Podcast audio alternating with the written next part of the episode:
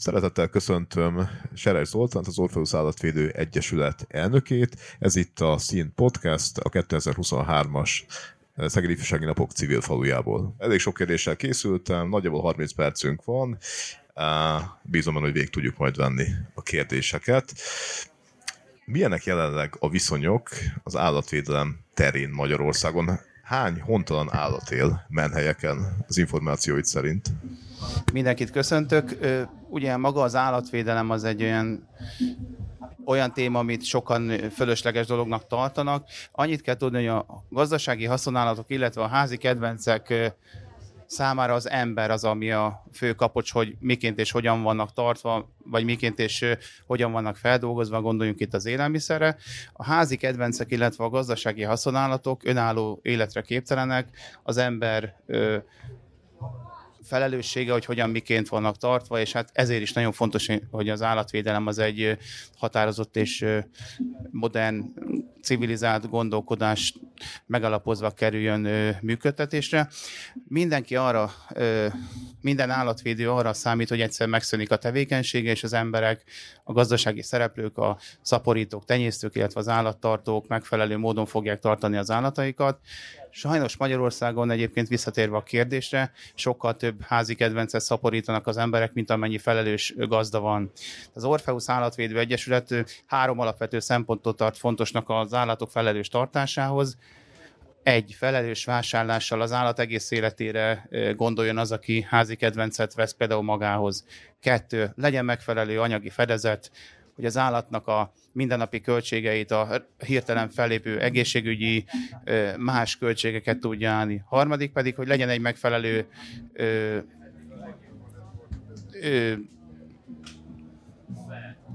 megfelelő ö, idő, mennyiség, amit az állat szeretetére, az állattal való gondoskodásra tud ö, fordítani és hát ugye nagyon sokszor megvan a tartási hely, vagy megvan éppen a pénz, vagy megvan éppen a szabadidő, de a másik kettő, vagy valamelyik része hiányzik a felelős állattartásra szükséges dolgoknak, akkor az állattartás az nem fog hosszú távon működőképes maradni, mert hiába van szabadideje az embernek az állatra, nincsen pénze, vagy hiába van megfelelő tartási helye, hogyha egész nap dolgozik. És akkor az állattartás lényegében sokszor úgy történik, hogy az állattartó nem is tud arról, hogy majd állatot fog tartani. Például megkapja karácsonyra, a szülinapra, névnapra, egyéb más jeles napokra, és az ünnepi örömteli pillanatok után szürke hétöz, hétköznapokban unott teher lesz az állat. És hát sokszor megesik az, ugye, ami a majdani menhelyek vagy éppen állatvédő szervezetek munkáját gyarapítja, hogy az állatot egyszerűen elhagyják, kidobják, erdő szélére, városba, egyéb más helyre, és hát így válnak az állatok kóborá. Nagyon sok olyan kóborállat képződik, ami már eleve a kidobott állatoknak az utódai, tehát a utcán született házi kedvencek, és hát ezek is az állatvédőknek a feladatkörébe tartoznak. És hát ezért is nagyon fontos a felelős állattartáshoz a megelőző tevékenység, hogyha lehet, akkor próbáljuk meg csökkenteni a majd a megszületendő állatok számát. Például az Orpheus Állatvédő Egyesületnek van egy elmondata, hogy annak a kóbor állatnak a legjobb, amelyik meg sem születik, és hogyha a felelős állattartó emberek, a családok, az egyének megfelelő felelősséggel gondoskodnak arról, hogy ne legyenek a házi kedvenceiknek utódaik, akkor csökkenteni lehet a születendő egyedek számát, a fölösleges állatszaporodatok csökkentése révén pedig ö, csökken a majdan utcára dobott állatok száma, és hát ezért is nagyon fontos a környezettudatos felelős állattartás. Beszéltél arról, hogy mik szükségesek ahhoz, hogy valaki tudatos, felelős állattartó legyen, vagy azzá váljon. Ha a magyar társadalmat nézzük, akkor te mit mondanál? Felelős állattartók a magyarok? Nagyon sokan, egyre több tudatos állattartó van, viszont nagyon sok családban, legfőképpen magánházakban, falvakban, tanyákon, ahol az állat alapvetően nem egy érezni, szenvedni képes élőlényként van tartva, hanem egy szükséges tárgyként, aki őrzi a házat, aki őrzi a tanyát, még a család nincs otthon, vagy éppen védelmezi a család tagjait. És hát nagyon sok állatot koordináltan engednek szaporodni, ami miatt aztán újabb és újabb utódok képződnek nagyon sokan viszont tudatos állattartók, tudják, hogy az állat élezni, szenvedni képes élőlény, és a megóvása, mivel hogy az önálló életre képtelen állat az embertől függ, az ember feladata, hogy a felelős állattartás létrejön, és hát azon dolgozunk, hogy minél többen, minél jobban legyenek tájékoztatva arról, hogy az állattartás az egy nagy felelősség, hiszen egyébként a törvények is alapjául segítik idézőjelben az állatvédelmet, hiszen 2004-től az állatok rossz tartása az kimerítheti az állatkínzást, mint bűncselekményt, és akár három évig terjedő börtönt lehet kapni. Gondoljunk itt arra, hogyha valaki például tárgyként tartja az állatot, kirakja láncon, télen megfagy, nyáron hőgutába elpusztul, és abban a hitben, hogy egyébként őrzi buksi a házat, de ha esetleg bármi történne vele, akkor gyorsan el lehet idézőjelbe ásni, és akkor jön majd egy másik házőrző. Ez a fajta gondolkodás van nyilván elavult, és hát a felelős állattartáshoz sok köze nincs.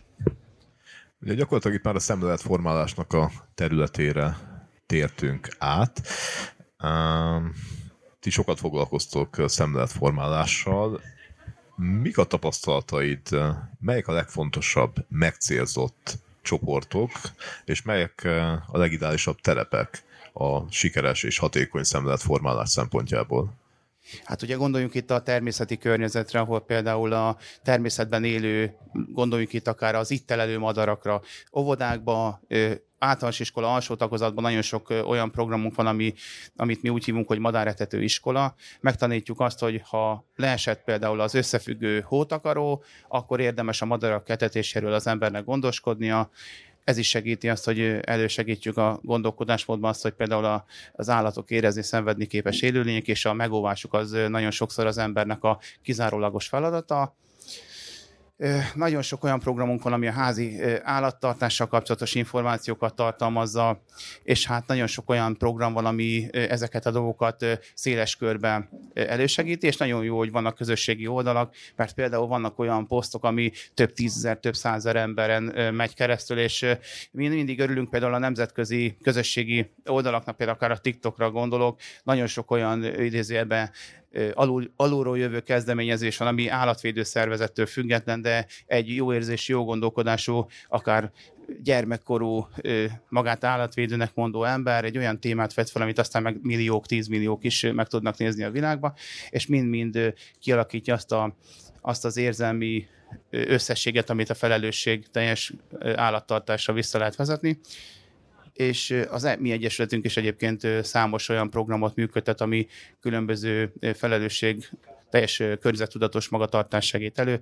Nagyon sok állatos kiadványunk van, képeslapok, plakátok, matricák, amiket nagyon sok tanár kér egyébként, meg óvónők kérnek a különböző intézményekbe szerte az országból, és jeles napokra, földnapjára, állatok világnapjára, hontalan állatok világnapjára, madarak és fák napjára, meg mindenféle jeles napra jutalomként adnak oda a gyerekeknek, és hát szerencsére szűkebb környezetbe, osztályonként, csoportonként sokszor szó szokott esni, akár a tanulán kívüli, kívüli témaként a, az állattartásról, a felelős állattartásról, az állatvédelemről, és ez mind-mind segíti a, azt, hogy a gyerekek hazavigyék a modern gondolkodást, és akár a nagymamát, vagy éppen a szülőket olyan dolgokra tudják ösztönözni, ami akár az állatok szaporítását meg tudja gátolni.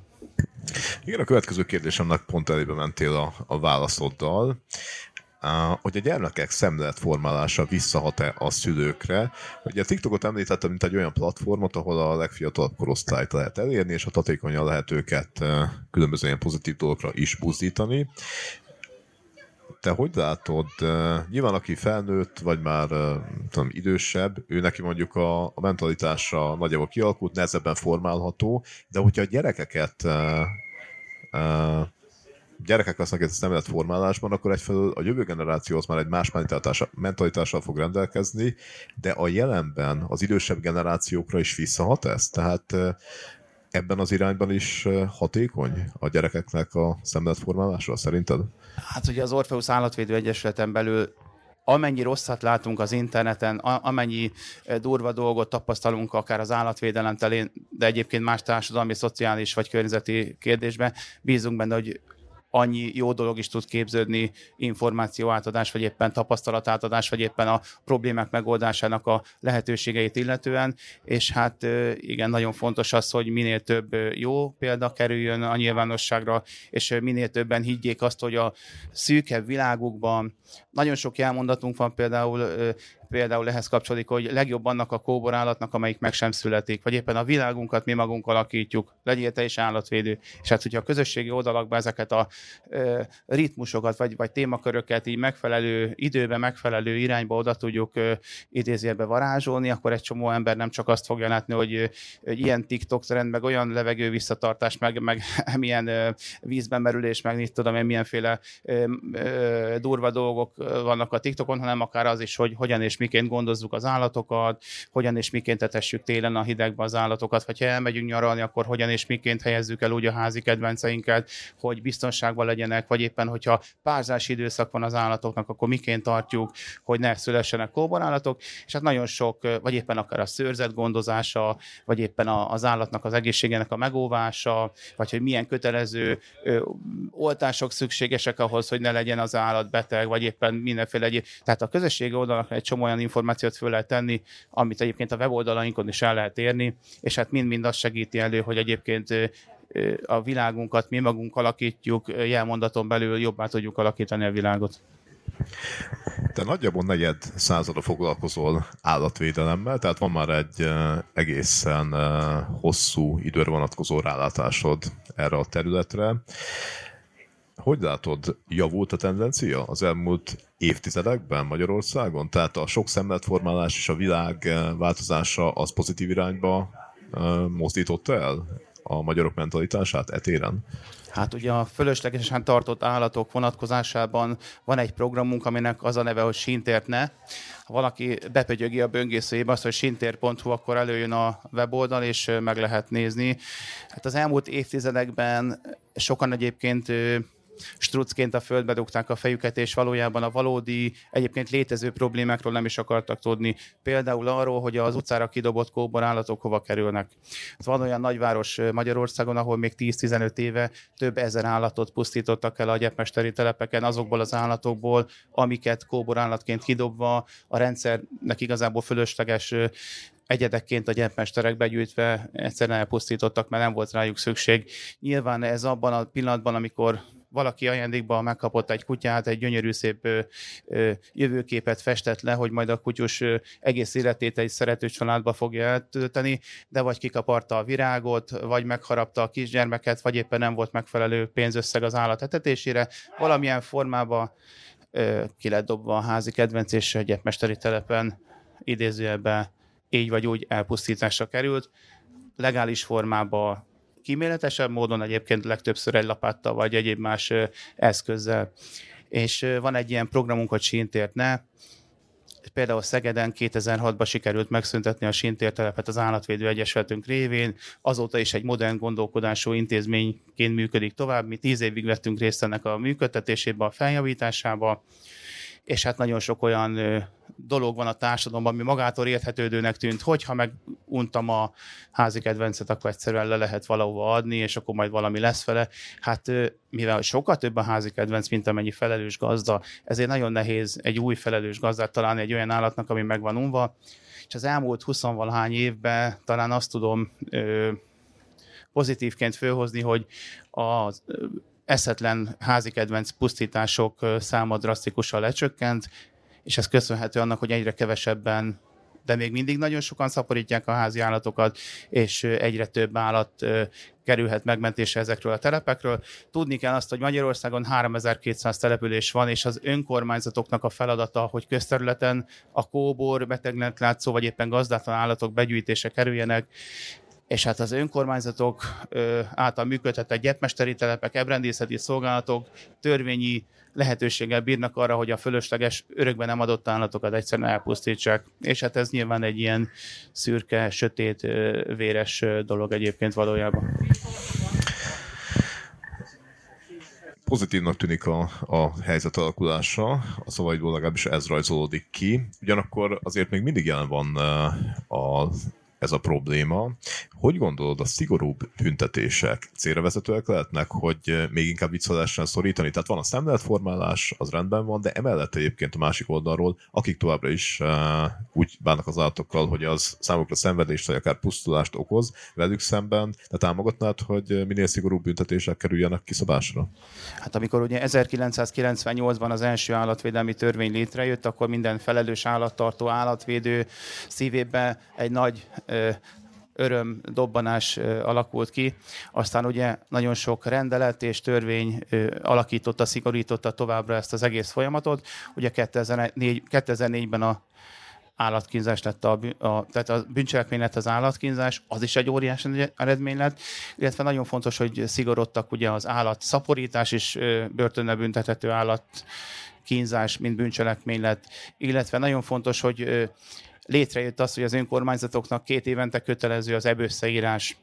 Annyit kell az egészről tudni, hogy nagyon sok településen az állatoknak szinte fele egy szürke zónába van tartva, ugye amelyik állatban nincs csíp, azt az állatorvos el se tudja látni, mert az állatellátásának alapvető feltétele, hogy legyen benne mikrocsip, és az sok alkalmával nagyon sok állat egyébként szürke zónában marad. Ezeknek az állatoknak nincs kötelező veszettség elleni oltásuk, nincs parazitamentesítésük, illetve egy csomó dologban nem vesznek részt, ami a közegészségügyi normát segíteni elő. Mert egyébként a bélféreg, a bolha, a kullancs, meg mindenféle egyéb parazita az emberre is veszélyes nem beszélve arról, hogyha egy állat veszettséget visz haza, mert mondjuk belecsúcsát egy beteg állatba az erdőbe, az is halálos vírus.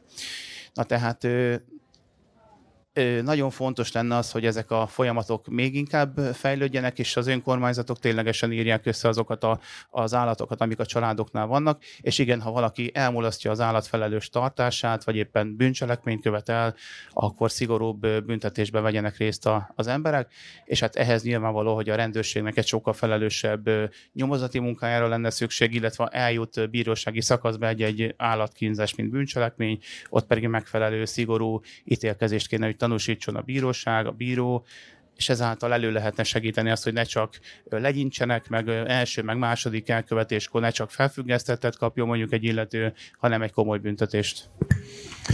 Beszéltünk a törvény szabályozásról, most ebbe az irányba tértünk át, illetve hát különböző meglátásokról. Ezeket a javaslatok formájában az állatvédők meg szokták fogalmazni a törvényhozók felé? Abszolút, tehát ugye létrejött a kormányban egy állatvédelmi kormánybiztosság, és mi az Orpheus Állatvédő Egyesület is azonnal egy tizenvalahány pontos állatvédelmi szükségletet küldtünk be, és ennek egyébként része az is, hogy ne lehessen csak úgy bárkinek állattartást folytatnia, hanem önkormányzat által, vagy éppen állatorvos által egy idézőben állattartási jogosítvány kellene, hogy megszerezzen az illető ahhoz, hogy állatot tartson. Ez egy néhány perces kis idézőjelben ismeret felmérés, mondjuk akár egy állatorvos is megtehetné, vagy az önkormányzatnál egy gyerek kijelölt ember, hogy tudja, hogy hogyan kell egy aranyhörcsögöt tartani, vagy egy díszalat, vagy egy madarat, vagy egy kutyát, vagy egy macskát, és akkor mik ugye az alapvető szükségletek, tartási hely, mivel tápláljuk, milyen időközönként kell orvoshoz vinni, mire figyeljen az ember az állat jóléte kapcsán.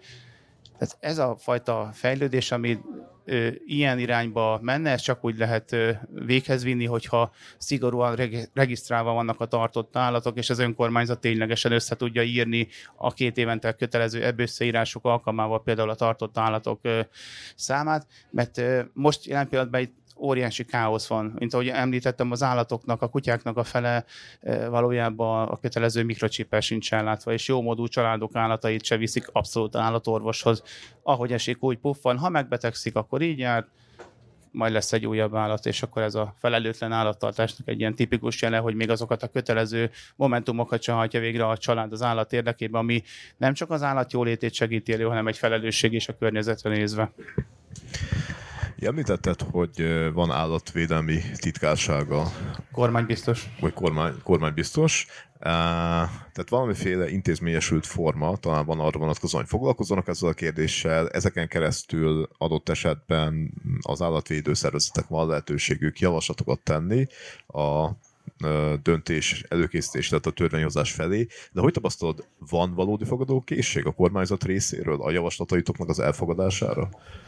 Hát ugye alapvetően a, a szigorúbb törvények, rendeletek megalkotása az egyébként egy további ö, fejlődésre szorul. Tehát még több és még jobb ö, állattartási szabályzatok, illetve törvények ö, szükségesek ahhoz, hogy az emberek megfelelő módon keretrendszerben legyenek ö, kényszerítve. Nagyon, sokan, nagyon sok embernek alapvetően egyértelmű, hogy az állatjólét az ember feladata. Sokan viszont ezt nem tudják, és nem is ez a probléma, hanem valójában az, hogy a, óriási nagy kóborállat sereg, meg, a, meg az állatvédő szervezetek finanszírozatlansága az valójában az állatvédő szervezetek működő, működési képességét is egyébként teljes mértékben létrehozzák, ugyanis minden, mindenki, aki egyébként kóborállatot lát az utcán, az úgy gondolja, hogy majd jön egy állatvédő, és akkor megoldja a problémát. Tehát a legtöbb állatvédő szervezet se önkormányzattól, se állam, államtól nem kap normatívát. Valójában a közadományok, vagy a közadakozás, amit a működésükből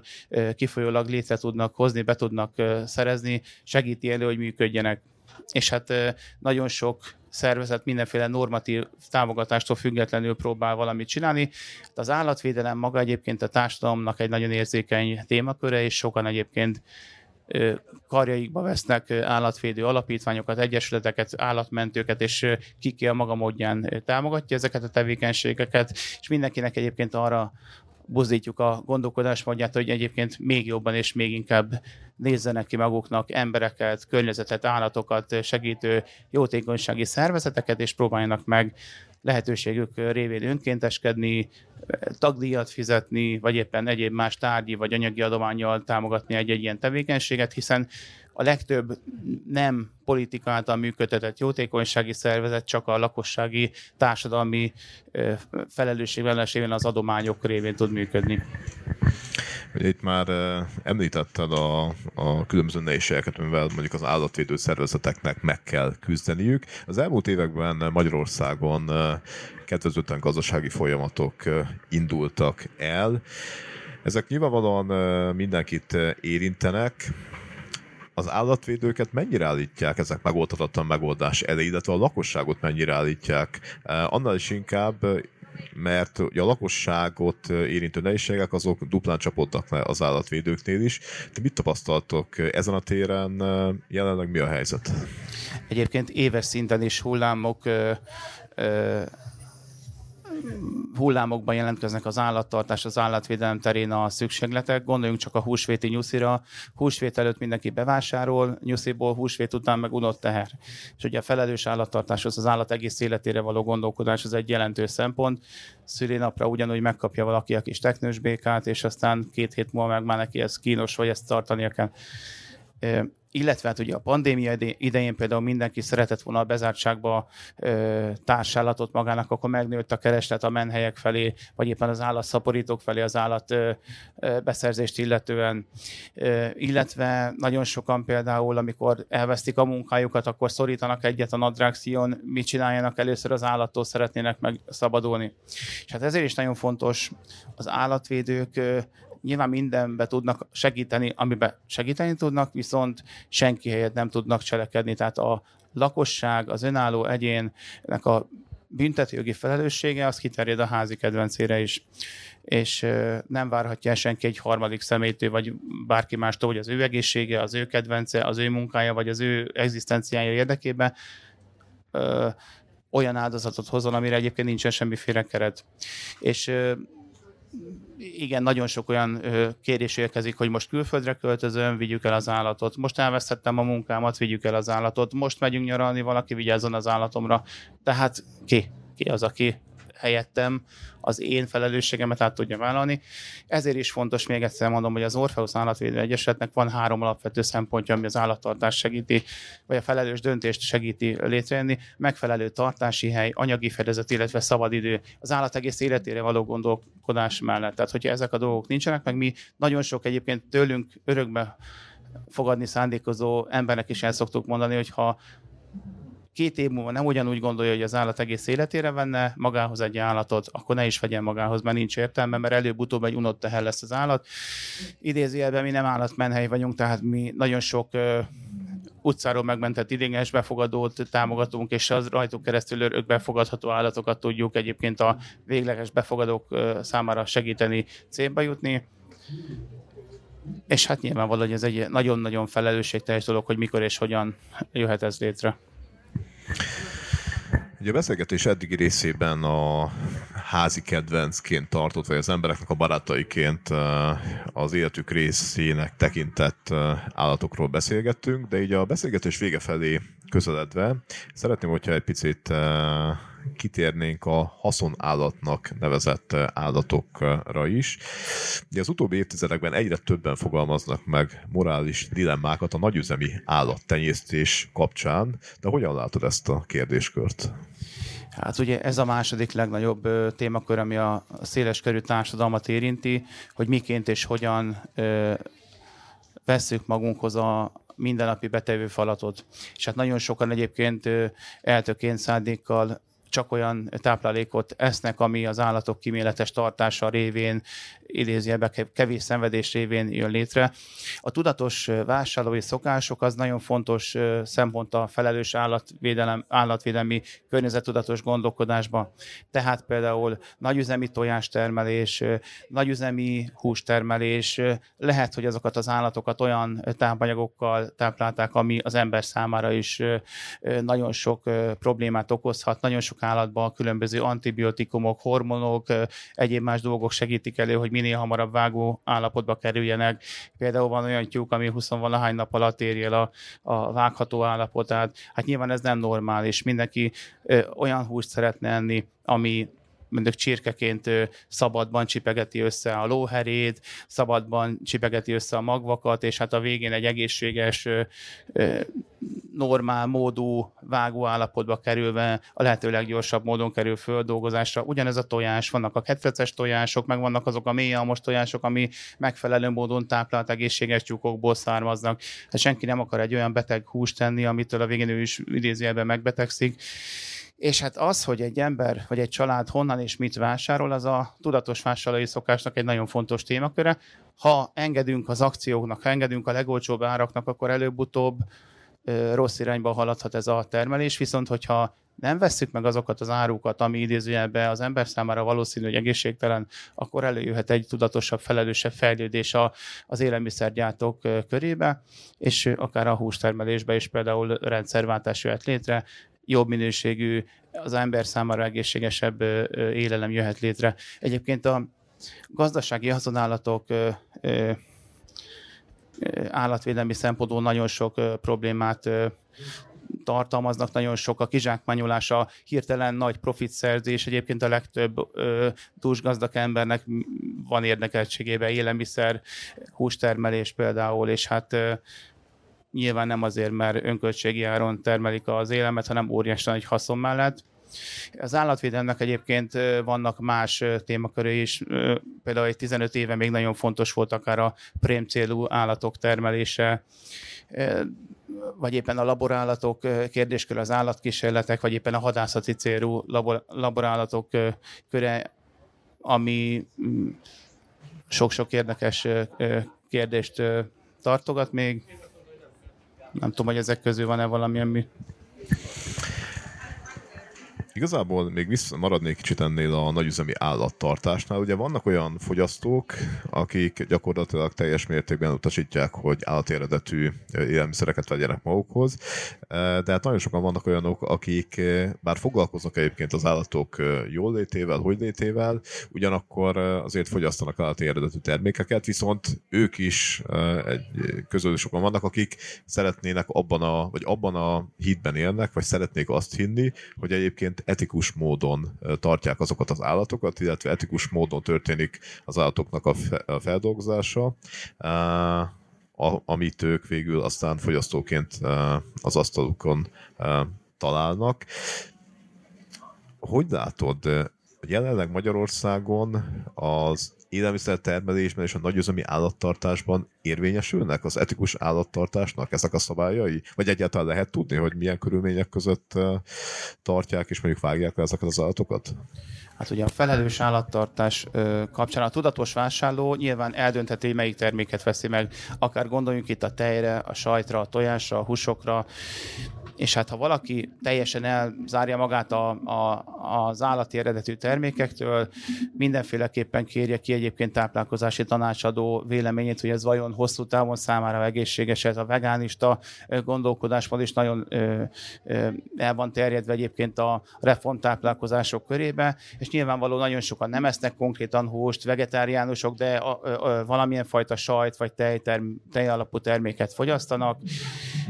Ez is elfogadható. Hát nyilvánvaló az ember alapvetően a mindenevő kategória, tehát a húsevés és ugyanúgy a, a fenntartható állapotának a szükséglete, mint egyébként a növényevés. És a tudatos vásárló eldöntheti, hogy egy adott terméket, hogyha úgy gondolja, hogy rossz, akkor megveszi vagy nem, és ebben van a kulcs. A tudatosság az, hogy ne hagyjuk magunkat sodródni a hipermarketek akcióival, illetve ne próbáljuk meg mindig a legolcsóbb, legsilányabb terméket megvenni, mert hogy abból többet lehet megvenni. Nem biztos, hogy a mennyiségi táplálkozás vezet az egészséges életmódhoz. És hát igen, a, a tudatos vásárlói szokások az, ami az állatvédelmek is egy jelentős ö, ö, filozófiája, hogy, hogy nem biztos, hogy a legdrágább termék a legjobb, meg nem biztos, hogy a legolcsóbb termék az, amit egyébként meg kell venni, ezt mindig eldöntheti mindenki, hogy alapvetően neki az a termék, amit szeretne fogyasztani, az állatok szenvedése vagy rosszul tartása révén kerül-e annyiba, mint amennyire árulják. Egyébként nagyon sokan megkeresik azokat a beszerzési helyeket, ahol a sajtokat, a tojást, vagy éppen más élelmiszert meg tudnak vásárolni, és mindenkit arra buzdítunk, hogy próbálja meg a legjobb, az állatok számára legkisebb szenvedést jelentő élelmiszerbeszerzési forrásokat megtalálni. A tudatosság az valóban nagyon fontos, és hát bízunk benne, hogy ez a következő évtizedekben a magyar emberek jelentős része számára is ugyanilyen fontossá válik, és ilyen módon fogják majd az életüket élni, és hogy lehetőség is lesz arra, hogy ezt eh, megtegyék. Hát eh, ebben a, a reményben eh, szeretném neked megköszönni a beszélgetést. Lenne még csomó kérdés, és lehetnének itt a veled folytatott beszélgetés során olyan irányok, amiket érdemes lenne kinyitni, de most ennyire volt idő, ennyire volt lehetőség, de nagyon szépen köszönöm, hogy itt voltál, és ezeket az értékes gondolatokat megosztottad velünk. Nagyon szépen köszönjük, hogy itt lehetünk, és hát az Orpheus Állatvédő Egyesületnek a jelmondata az mindenki számára egy aranyos dolog lett, hogy a világunkat mi magunk alakítjuk, és tőlünk függ az, hogy a házi állatok, a házi kedvencek, a gazdasági haszonállatok hogyan és miként vannak tartva, tehát a feladat az adott, legyünk felelős és állatbarát állattartók.